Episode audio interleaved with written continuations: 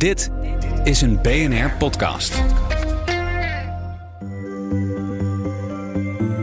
Wetenschap in het kort met Carlijn Meinders.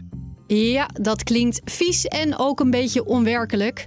Maar scheikundigen uit Engeland hebben volgens de BBC kerosine gecreëerd van wat wij door de wc spoelen.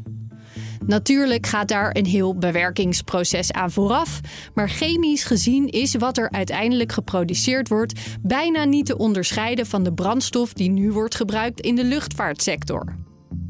De verwachting is niet dat alle vliegtuigen ter wereld hierop zullen kunnen vliegen.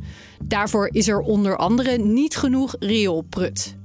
Maar de hoop is wel dat het als een van de milieuvriendelijkere alternatieven kan dienen.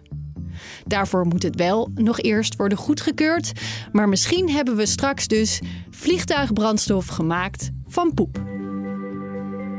Wil je elke dag een wetenschapsnieuwtje? Abonneer je dan op Wetenschap vandaag. Luister Wetenschap vandaag terug in al je favoriete Rendement tot wel 8%.